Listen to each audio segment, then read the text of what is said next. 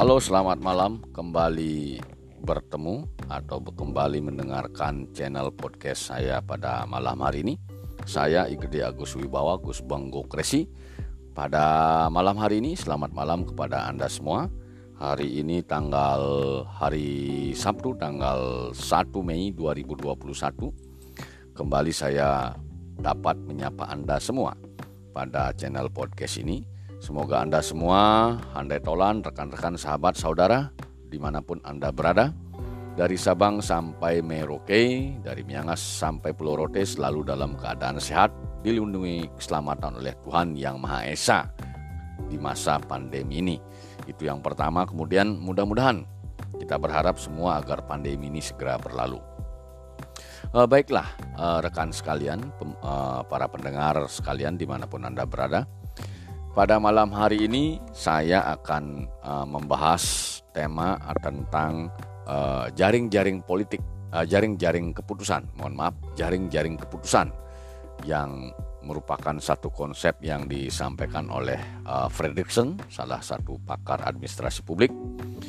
Jadi jaring-jaring keputusan ini uh, pasti ada dalam proses formulasi kebijakan atau dalam proses pembuatan keputusan dalam institusi publik. uh, Fredrickson menyebutkan bahwasanya uh, banyak banyak aktor yang terlibat di dalam setiap pengambilan keputusan yang berkaitan dengan kebijakan publik. Nah ini dalam proses tersebut uh, antar aktor tersebut atau antar kelompok-kelompok itu akan terjadi interaksi, akan terjadi hubungan, akan melakukan hubungan, interaksi, relasi, komunikasi, sehingga uh, dalam proses tersebut terjadi tukar menukar uh, informasi. Bahasanya itu terjadi artikulasi kepentingan. Tarik menarik uh, kelompok satu kelompok dua kelompok A kelompok B kelompok C kelompok D kelompok E. Uh, jadi uh, person A person B atau orang orang orang pertama orang kedua orang ketiga orang keempat orang kelima orang keenam dan seterusnya jadi setiap proses formulasi kebijakan pasti akan terjadi hal tersebut. Nah, fakta yang di, terjadi di lapangan pada skop kecil local government. Karena rujukan kita kalau kita melihat tingkat local government, kemungkinan besar hal yang sama terjadi pada tempat-tempat lain atau local government di tempat lain. Hal yang mirip kemungkinan besar seperti itu fenomena yang terjadi. Dan tidak kurang tidak lebih dalam skop negara atau state mungkin jumlahnya akan lebih banyak kepentingan-kepentingan tersebut dalam proses setiap kebijakan negara atau sebuah institusi negara. Nah, sekarang yang menjadi uh, referensi kita, menjadi pembahasan kita di skop local government. Setelah terjadi perhelatan proses politik, ada kemenangan, ada pejabat baru, ada pemimpin baru di tingkat local government Nah, ini akan terjadi semacam penetrasi ke dalam institusi birokrasi itu, yang memang uh, secara konseptual birokrasi itu memang mapan. Jadi, ketika masuk uh, pemenang baru, masuk kepala daerah, wakil kepala daerah terpilih yang baru ke dalam satu tatanan birokrasi yang sudah mapan, artinya sudah lama ada dan sifatnya sustainable atau berkelanjutan di mana orang-orang di dalam birokrasi itu tentunya uh, mendiami institusi itu satu orang di kisaran masa kerja 25 sampai 30 tahun. Artinya ini adalah orang-orang yang mapan dan terus-menerus berada di dalam lingkar birokrasi. Sementara kepala daerah dan wakil kepala daerah itu sifatnya temporary, maksimal uh, 10 tahun atau dia menjabat sebagai wakil 10 tahun kemudian bertambah 10 tahun lagi 20 tahun. Artinya masa yang lebih lama masih dimiliki oleh birokrat yang bekerja di dalam institusi publik atau organisasi pemerintah. Nah, berkaitan dengan proses pengambilan keputusan apa pun itu sebagaimana konsep yang disampaikan oleh Fredrickson tadi, ada jaring-jaring keputusan, terjadi artikulasi kepentingan, terjadi agregasi kepentingan.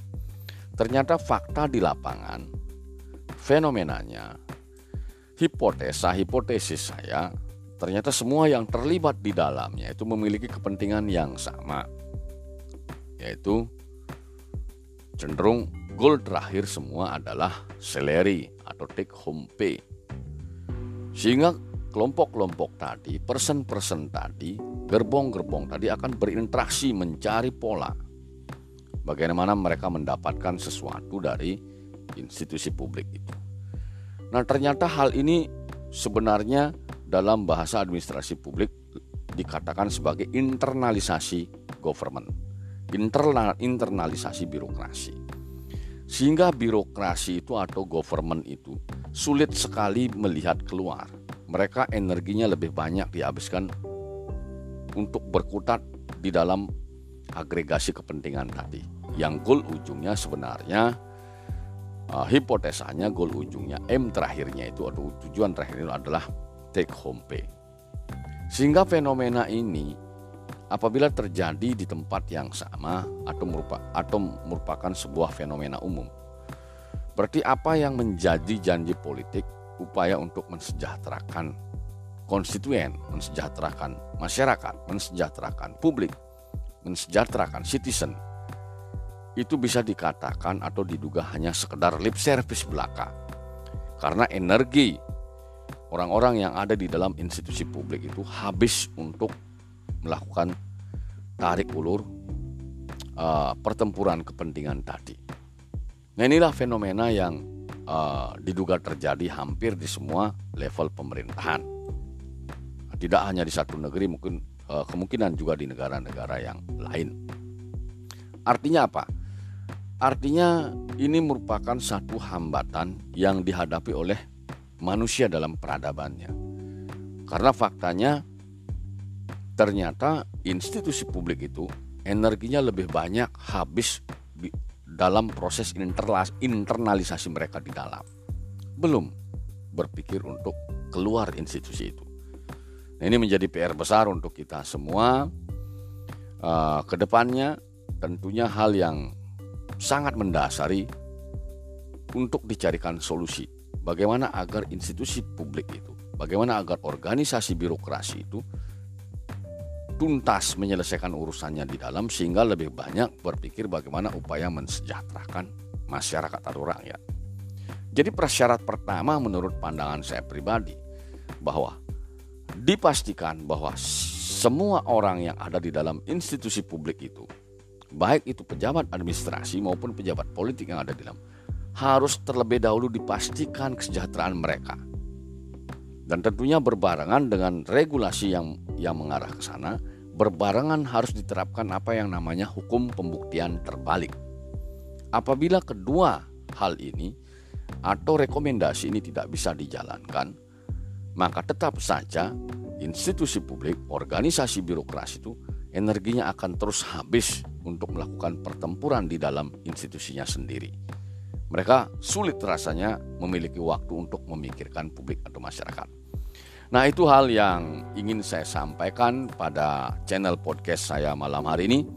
Mudah-mudahan pemirsa mencermatinya dan berkenan untuk uh, menggetok tularkannya sehingga ada kesadaran kita bersama bagaimana upaya kita untuk mensejahterakan seluruh aparatur penyelenggara negara, baik itu pejabat administratif maupun pejabat politik. Ini merupakan satu persyarat yang harus kita penuhi terlebih dahulu sebelum kita mensejahterakan publik atau masyarakat. Demikian saya sampaikan dari Jembrana Bali, dari kota negara Bali. Uh, saya sampaikan uh, pembahasan ini mudah-mudahan uh, berguna untuk kita semua dan dan ada perubahan ke depannya lebih baik. Dari Jemberana Bali saya mengucapkan selamat malam. Assalamualaikum warahmatullahi wabarakatuh. Salam sejahtera untuk kita semua. Om Santi Santi Santi Om.